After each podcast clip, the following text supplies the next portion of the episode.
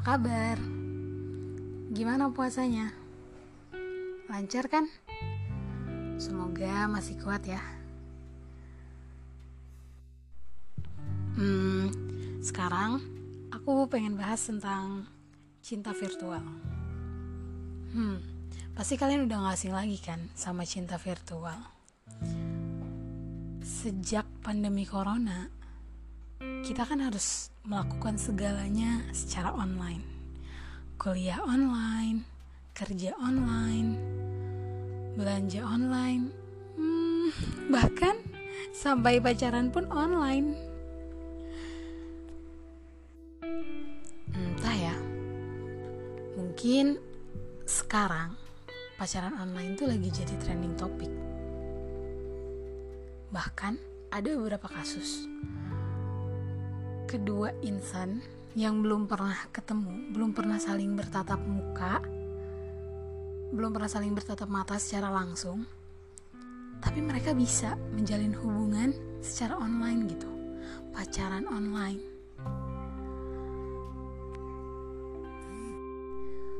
Hmm, buat aku itu aneh sih, kayak gimana bisa kamu mencintai orang yang bahkan belum kamu lihat secara langsung wujudnya. Gimana bisa kamu mencintai sepasang mata yang belum pernah kamu tatap sama sekali gitu? Ya itu aneh tapi itu terjadi. Banyak banyak yang ngalamin dan mungkin sekarang banyak juga yang lagi ngelakuin LDR pacarannya lewat video call atau mungkin lewat voice call? Mungkin ini terjadi karena pada dasarnya uh, menjalin sebuah hubungan itu landasannya adalah rasa nyaman. Tapi kalau dalam virtual mungkin konteks rasa nyamannya hanya dalam obrolan. Ya gak sih? Kayak aku nyaman cerita sama kamu. Aku nyaman ngobrol sama kamu. Aku nyaman bercanda sama kamu. Gak ada tuh aku nyaman nih makan bareng kamu.